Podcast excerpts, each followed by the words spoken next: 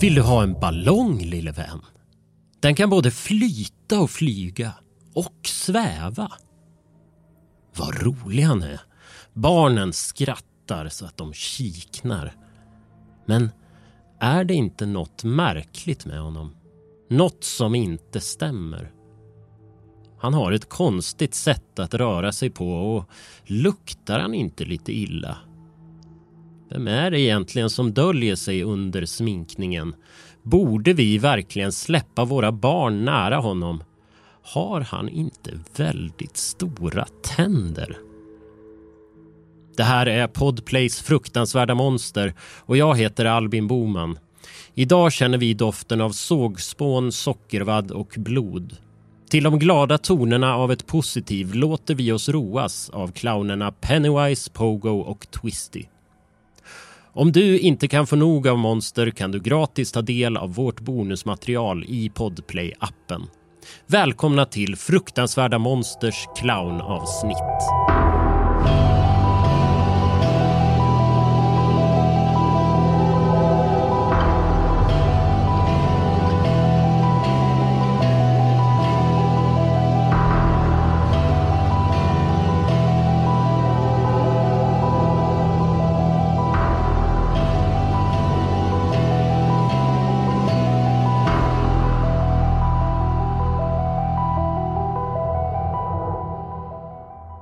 Jag skulle säga att jag växte upp med en sund rädsla för clowner. Det kan ha varit på grund av Stephen King eller John Wayne Gacy. Eller bara för att de ser jävligt läskiga ut. Min familj har alltid varit lite knasig så det borde inte ha varit en överraskning när jag en dag kom hem och möttes av en två meter lång mekanisk clown som tittade på mig från hörnet av vardagsrummet. Den hade en skylt hängandes runt halsen där det stod “gratis kramar”. Jag ryggade tillbaka av avsky när jag såg den och gick in till mitt rum. Det var för sent för mig att ta itu med det där. Nästa morgon rycktes jag upp ur sömnen av ett gällt och smått galet skratt. Jag kände hur benen spände sig innan jag kom ihåg. Jag gick ut i vardagsrummet och såg min 18-åriga syster Lilly trycka på en dosa som var kopplad till clownen och skratta tillsammans med den medan clownen sträckte ut sin robotarm och låtsades ta tag i henne. När hon såg mig skrattade hon ännu mer. Jag köpte honom på halloweenbutiken. Jättekul, sa jag och tittade på den frusna figuren som tornade upp över oss. Han heter Giggles. Pappa sa att vi kan ställa honom i ditt rum när halloween är över. Hon log. Det gjorde inte jag. Min syster åkte till jobbet och sa åt mig att ha så kul med Giggles innan hon återigen bröt ut i skratt. Jag hade inte studerat honom så noga kvällen innan, men nu när jag stod framför honom och tittade på hans ansikte kände jag hur mina ben stelnade igen. Hans ögon var gula, nästan kattlika med lila trekanter sminkade runt om. Ett fånigt sminkat vitt leende. Rufsigt lila hår som matchade den lila och blodiga outfiten. Han hade en kortlek i fickan. Förutom ögonen såg ansiktet märkligt mänskligt ut. Vanligtvis ser sådana där figurer du ser i hemsökta hus och i halloweenbutiker bara ut som stora läskiga dockor.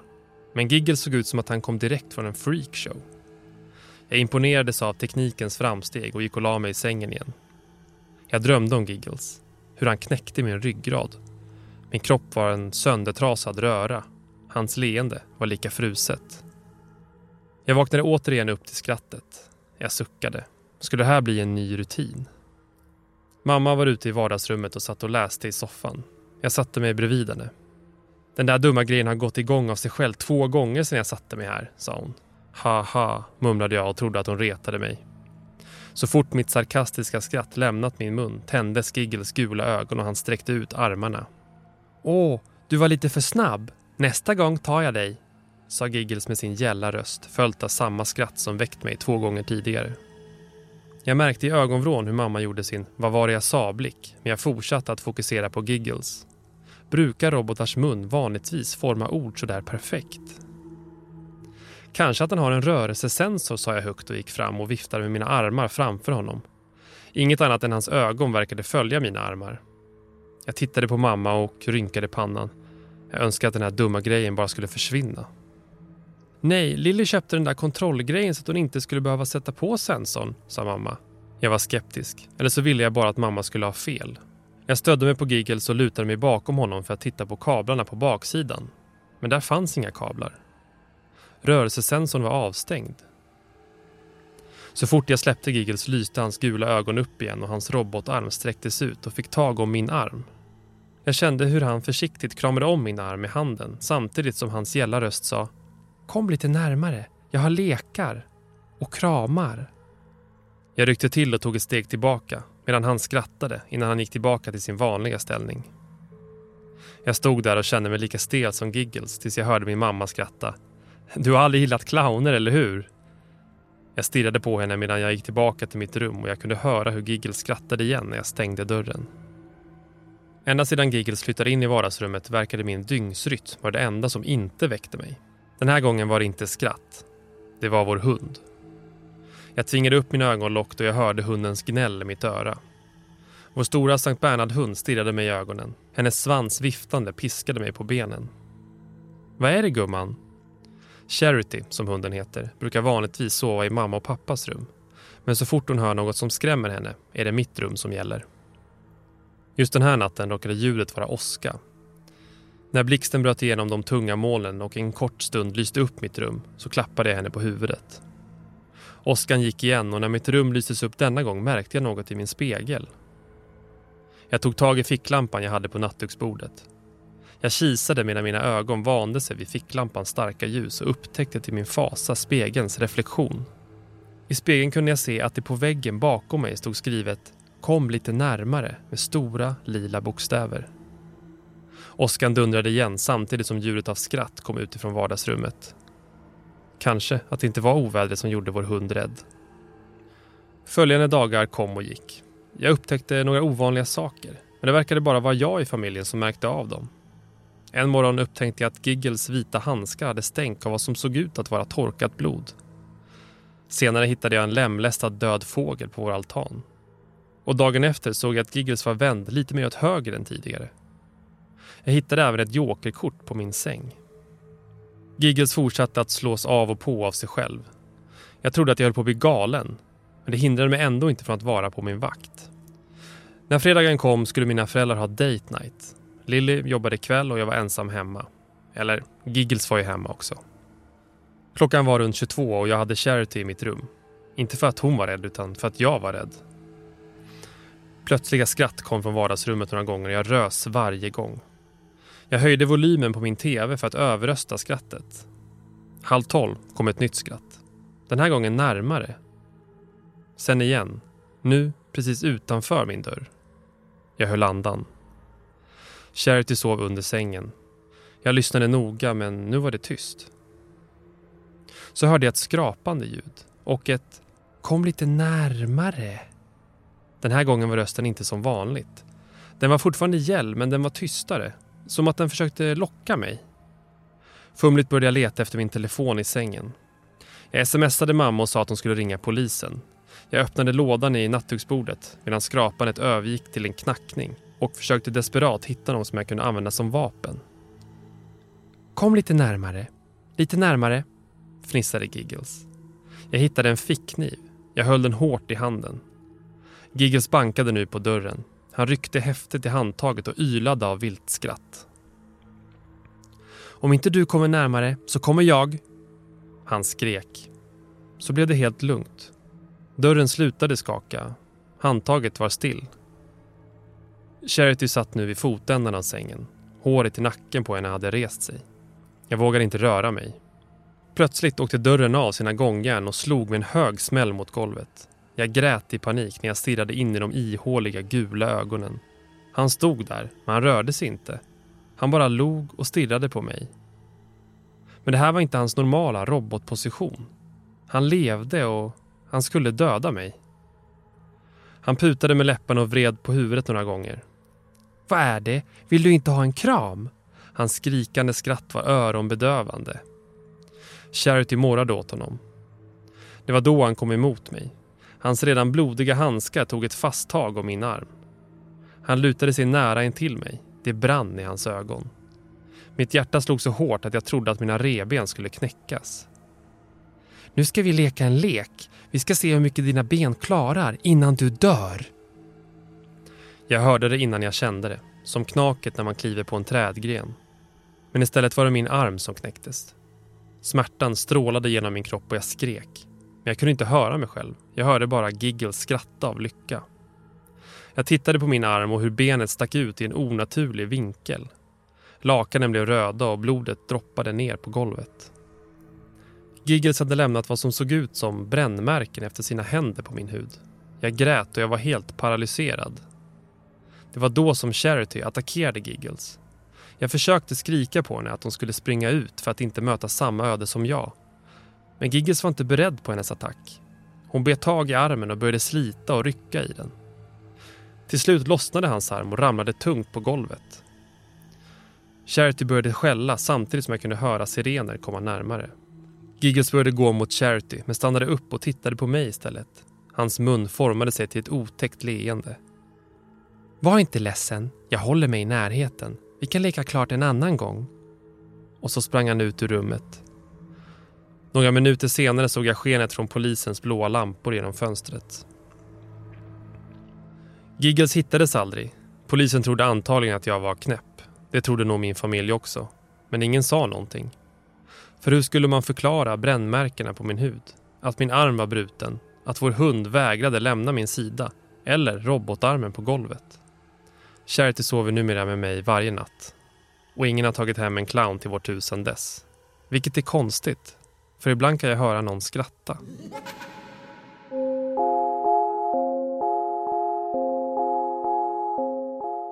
Även clowner kan komma undan med mord. De orden kom från John Wayne Gacy som föddes i Chicago 1942.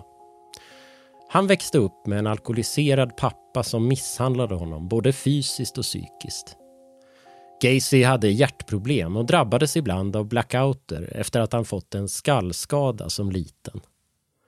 Pappan hånade sin son för detta, sa att han inte var någon riktig man, kallade honom queer så fort han sökte tröst hos sin mamma. Men trots det älskade Gacy sin pappa och gjorde allt han kunde för att vara honom till lags. 1964 gifte sig Gacy, flyttade till Waterloo och fick där två barn.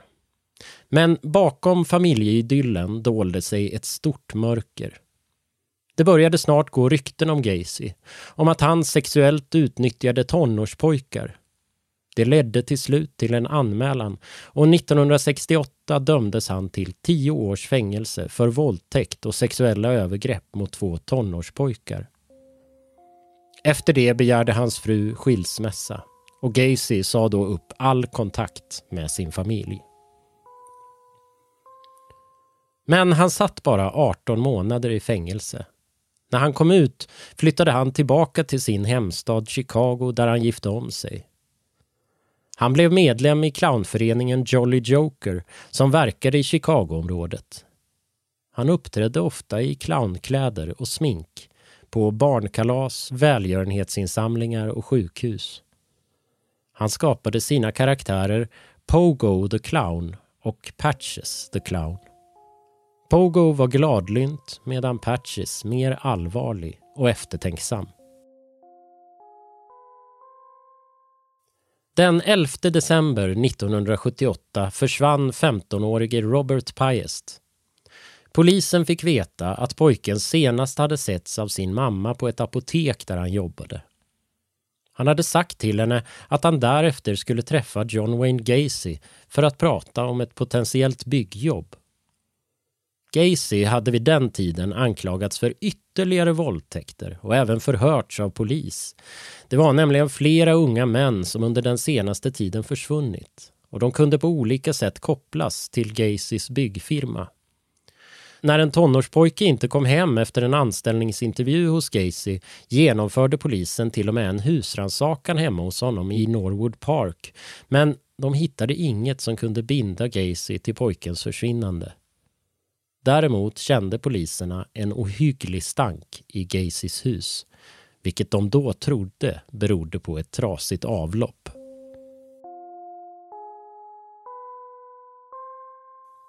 Tio dagar efter att Robert Piest sågs för sista gången genomförde polisen ännu en husrannsakan hemma hos Gacy och fann den gången bevis för en mängd mord. Under huset påträffade polisen 29 lik i olika grad av förruttnelse. Gacy hade utrustat sitt hem med en fallucka som gick ner till krypgrunden där han till en början gjorde sig av med offrens kroppar. Men han förklarade i förhör att han fick slut på plats under huset. Polisen hittade även lik i garaget, ingjutet i betongen vid uteplatsen och i en flod i närheten. När undersökningarna var färdiga hade man hittat 33 döda människor. Gacy erkände till slut mordet på 30 av dem. Rättegången mot John Wayne Gacy inleddes den 6 februari 1980.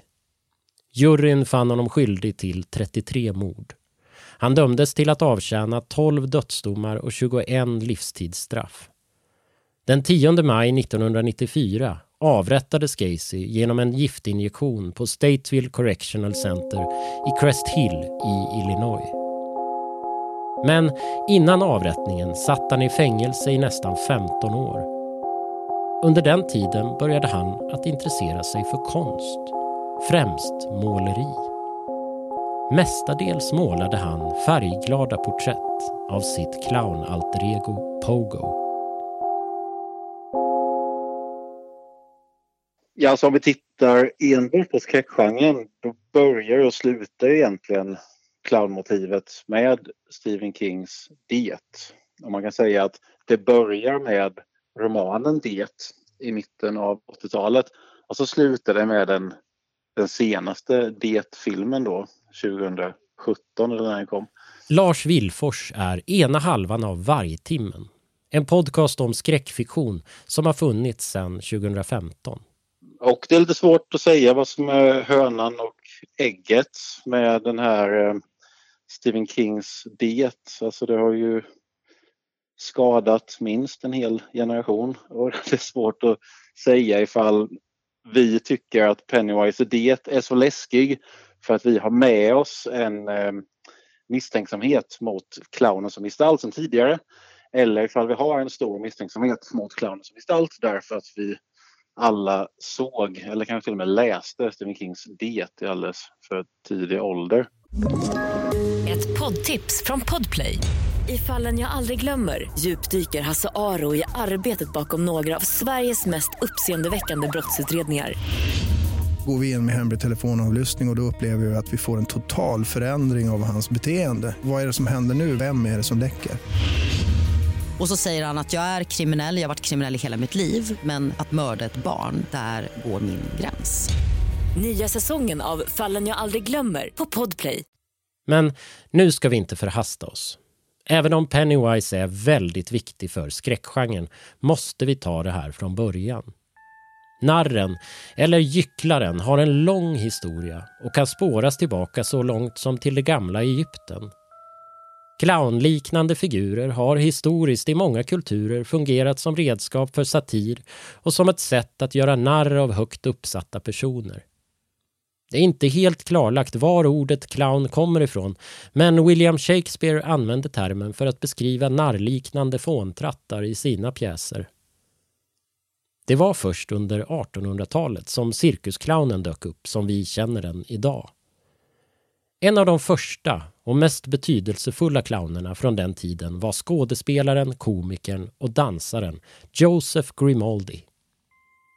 Han var engelsman och kom från pantomimtraditionen. Han skapade en clownkaraktär med vitmålat ansikte, färgglada peruker och rödmålade läppar. Grimaldis scenkostym beskrevs som hälften barn, hälften mardröm. Han var urtypen av den sorgsne clownen, känd för sitt trasiga privatliv. Han växte upp med en tyrannisk pappa. Hans första fru dog i barnsäng och han förlorade en son alldeles för tidigt. Men han var omåttligt populär och inflytelserik. Sedan dess har barn blivit underhållna av clowner som den amerikanska Bozo the Clown eller den svenska clownen Manne. Men något har hänt med vår syn på clowner. Det är väldigt få som idag uppskattar den traditionella clownen som Grimaldi var med och skapade. För att förstå varför clownen funkar så bra som skräckmotiv så tror jag att man måste se hur anakronistisk clownen är i det moderna samhället. Och man kan tänka sig att eh, i ett samhälle där barn är vana vid att vuxna är snälla och kan vara roliga och kan bjuda lite grann på sig själva så behövs inte clownen. Utan clownen fyller bara en vettig funktion i ett samhälle där vuxna inte har tid att bjuda på sig själva och vara roliga med sina barn. Där blir en vuxen som klär ut sig och spelar apa och spelar över och gör clownregistret. Där blir den meningsfull och användbar. Och ett eh, roligt avbrott eventuellt från en ganska trist relation till vuxenvärlden. Men i eh, ett modernare samhälle där vuxna tycker om barn i allmänhet och där barn litar på vuxna i allmänhet. Där blir ju clownen väldigt, väldigt konstig eftersom det är en vuxen person som helt uppenbart inte är sig själv och som eh, gör allting fel i fråga om sociala signaler och så vidare. Det finns liksom ingenting resonabelt eller pålitligt att, att eh, hålla sig i.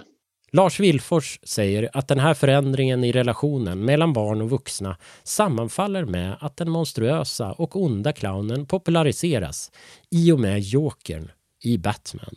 Alltså någonstans amerikanska serietidningar 40, 50, 60-talet. Där någonstans växer den här demoniska clownen fram.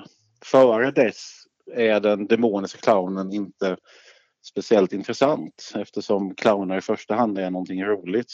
Sen finns det exempel på onda clowner eller illvilliga clowner eller kanske snarare onda människor tillfälligt i clownkostym i eh, fiktionen tidigare. Det, det finns um, åtminstone en fransk och åtminstone en italiensk pjäs från sent 1800-tal med en clown som begår ett mord. Och det, det, är väl lite oklart vilken pjäs som härmat den andra men det, det där finns liksom.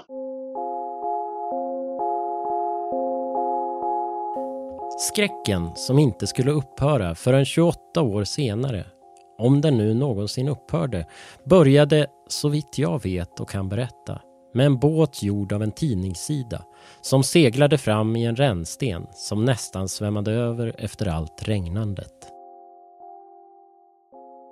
Ja, Stephen Kings roman Det från 1986 är en riktig klassiker.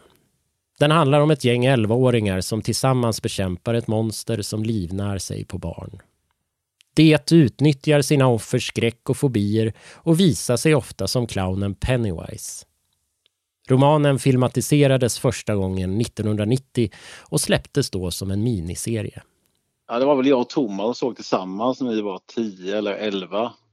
Alltså, då var det verkligen för otäckt. Men man satte igenom det och tyckte att det var, det var bra också.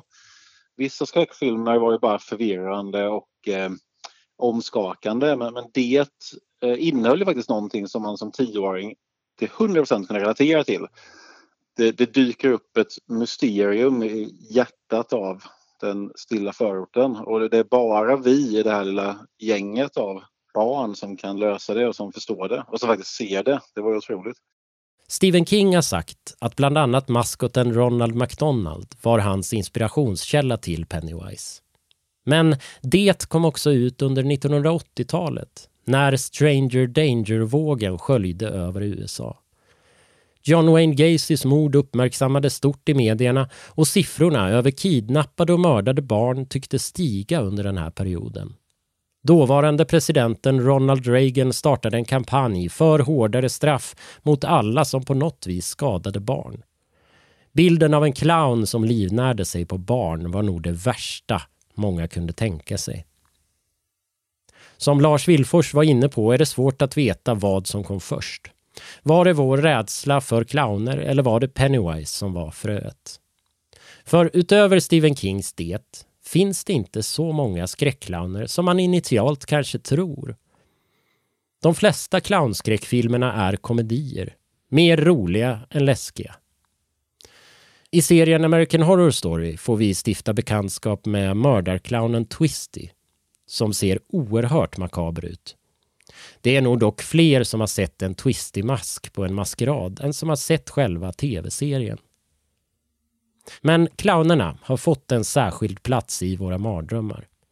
Studier visar att det är få barn idag som uppskattar traditionella clowner. I själva verket tycker de allra flesta barn att de är läskiga. Vad är det som gör att clowner skrämmer oss? Jag tror att det har att göra med att eh, clownens utseende sänder väldigt olika och i hög grad motsägelsefulla signaler. Alltså att det är någon sorts påklistrad munterhet som man vid första anblick förstår inte är uppriktig. Men att det också är den här ehm, utsmetningen av ansiktsuttryck som ju också blir svår att tolka. Alltså i ett vanligt naturligt ansikte så faller skuggorna som vanligt och rynkorna uppträder där de ska och så vidare. Men i ett ansikte som är sminkat på det sättet där vissa linjer är förstärkta och vissa linjer är utsuddade. Det blir svårt att tolka och eh, man skyndar som betraktare att fylla det med ett eget innehåll. Och i en mer eller mindre hotfull situation, ja, då är det lätt att fylla det ansiktet med alla möjliga monstruösa egenskaper. Lars Willfors säger att det finns akademisk forskning man kan använda sig av för att ytterligare förstå varför clowner är läskiga. Bland annat begreppet Uncanny Valley. Tesen myntades av robotteknikern Masahiro Mori och den går ut på att ju mer robotar liknar människor, desto mer tilltalande blir de för oss. Vi känner med andra ord allt mer positiva och empatiska känslor ju längre utvecklingen går. Men bara till en viss punkt. För när en robot är väldigt verklighetstrogen kan vi ändå se att det är en robot. Men det är svårt för oss att avgöra vad det är med den som inte är mänskligt. Det är något som skaver, men vi kan inte sätta fingret på vad. Vi är i utrymmet mellan knappt människa och helt och hållet människa. Alltså i Uncanny Valley. Vid ett visst avstånd till den förväntade normaliteten så skaver det alldeles extra. Om det är liksom precis nära intill. Och det är ju clownen. Clownen är väldigt nära intill en vanlig människa men, men det är vissa väsentliga skillnader som gör att det hela måste tolkas på något helt annat sätt. Poddtips från Podplay. I podden Något Kaiko garanterar östgötarna Brutti och jag, Davva, dig en stor dos skratt. Där följer jag pladask för köttätandet igen. Man är lite som en jävla vampyr. Man har fått lite blodsmak och då måste man ha mer. Udda spaningar, fängslande anekdoter och en och annan arg rant. Jag måste ha mitt kaffe på morgonen för annars är jag ingen trevlig människa. Då är du ingen trevlig människa, punkt. Något Kaiko, hör du på Podplay. Därför är gardinerna. Kanske är det Uncanny Valley. Kanske är det Pennywise som har traumatiserat oss.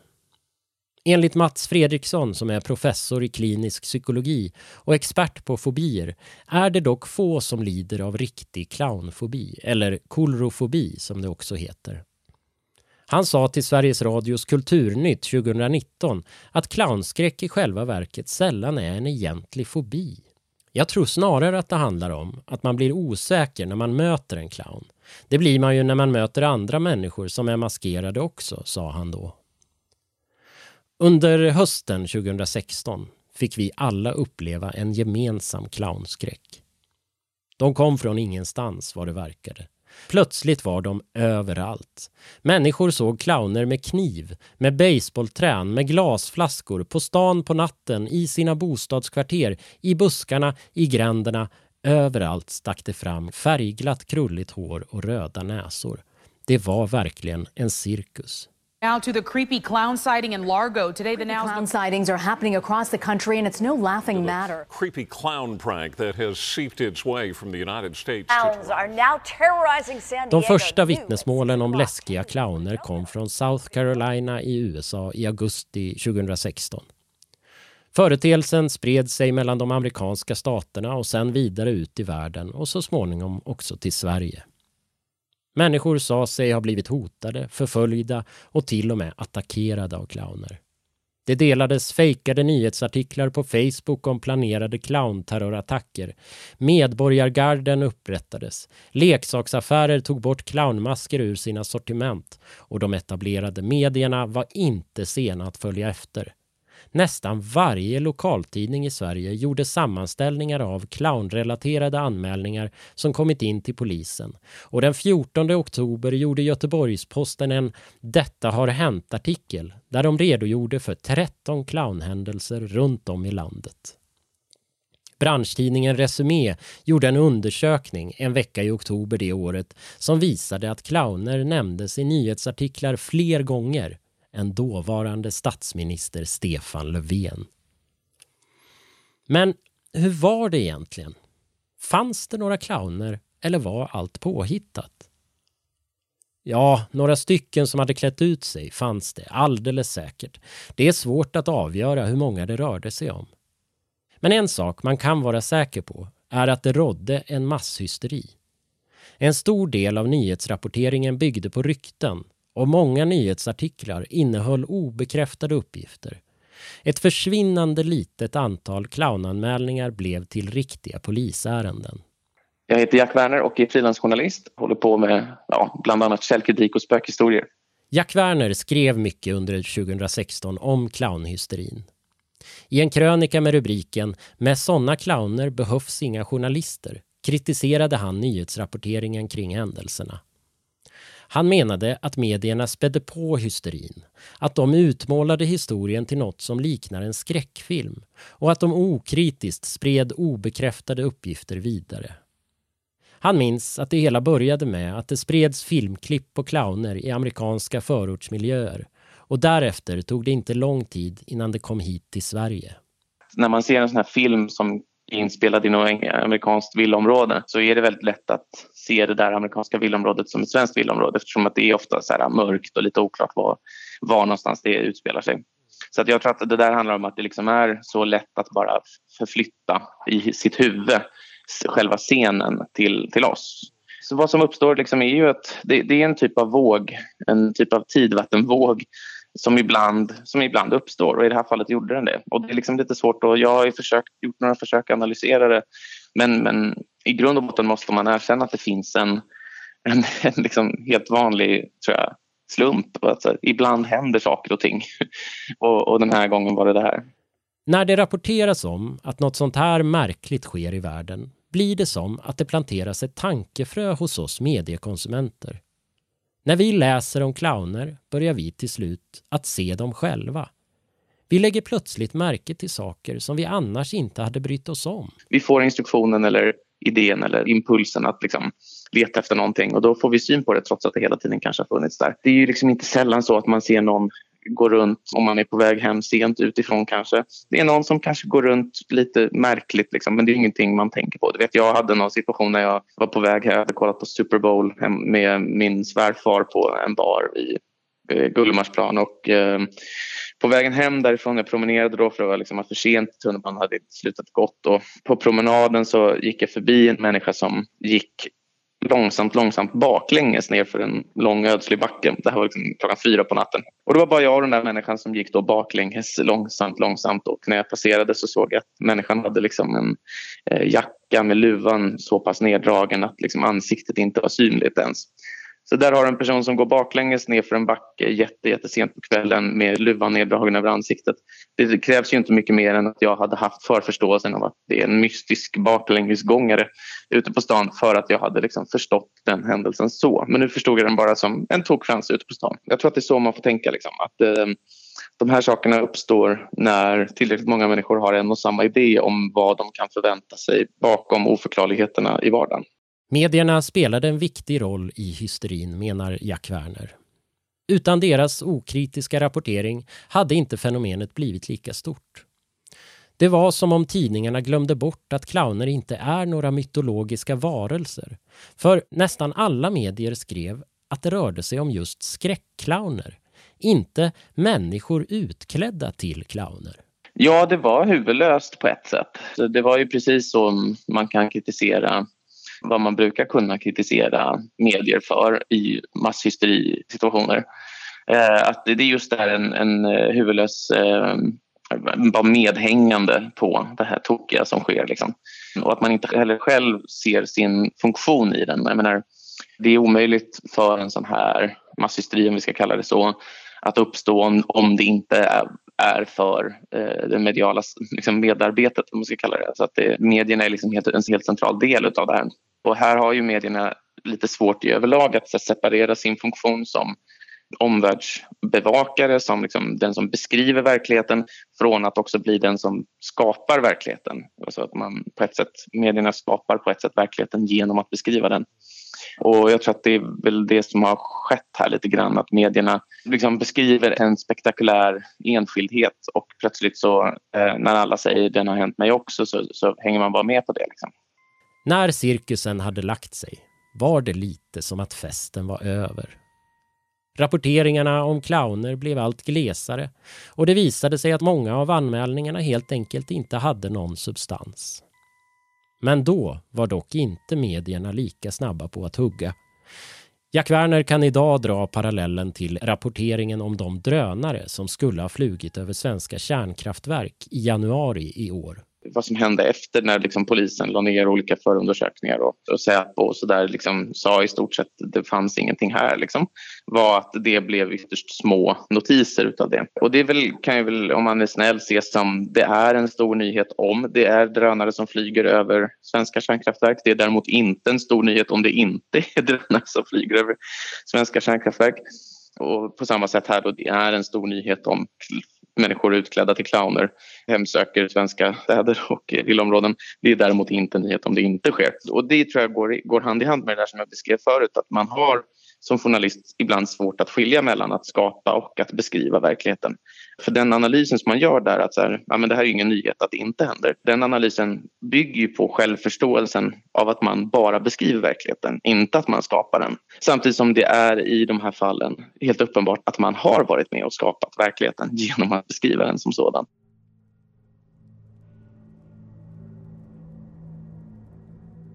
Vi får väl se när tidningarna börjar skriva om clowner igen. Enligt Jack Werner har det rapporterats på liknande sätt om läskiga clowner med jämna mellanrum de senaste dryga hundra åren. Och det påminner ju faktiskt om Pennywise som också dök upp vart 25 år ungefär. När Stephen King skrev det lät han sig som sagt inspireras av en väldigt barnkär karaktär. Någon som nästan alla barn på den tiden älskade och som, i alla fall enligt McDonalds, också är en väldigt snäll figur. Och det är väl något av det värsta vi kan tänka oss. Att något som borde vara vänligt och roligt visar sig vara ett monster. Du har lyssnat på Podplays fruktansvärda monster. Om du inte kan få nog av clowner kan du gratis ta del av vårt bonusmaterial i Podplay-appen. Om du vill komma i kontakt med oss finns vi på Instagram under fruktansvarda monster. Tack för att du har lyssnat.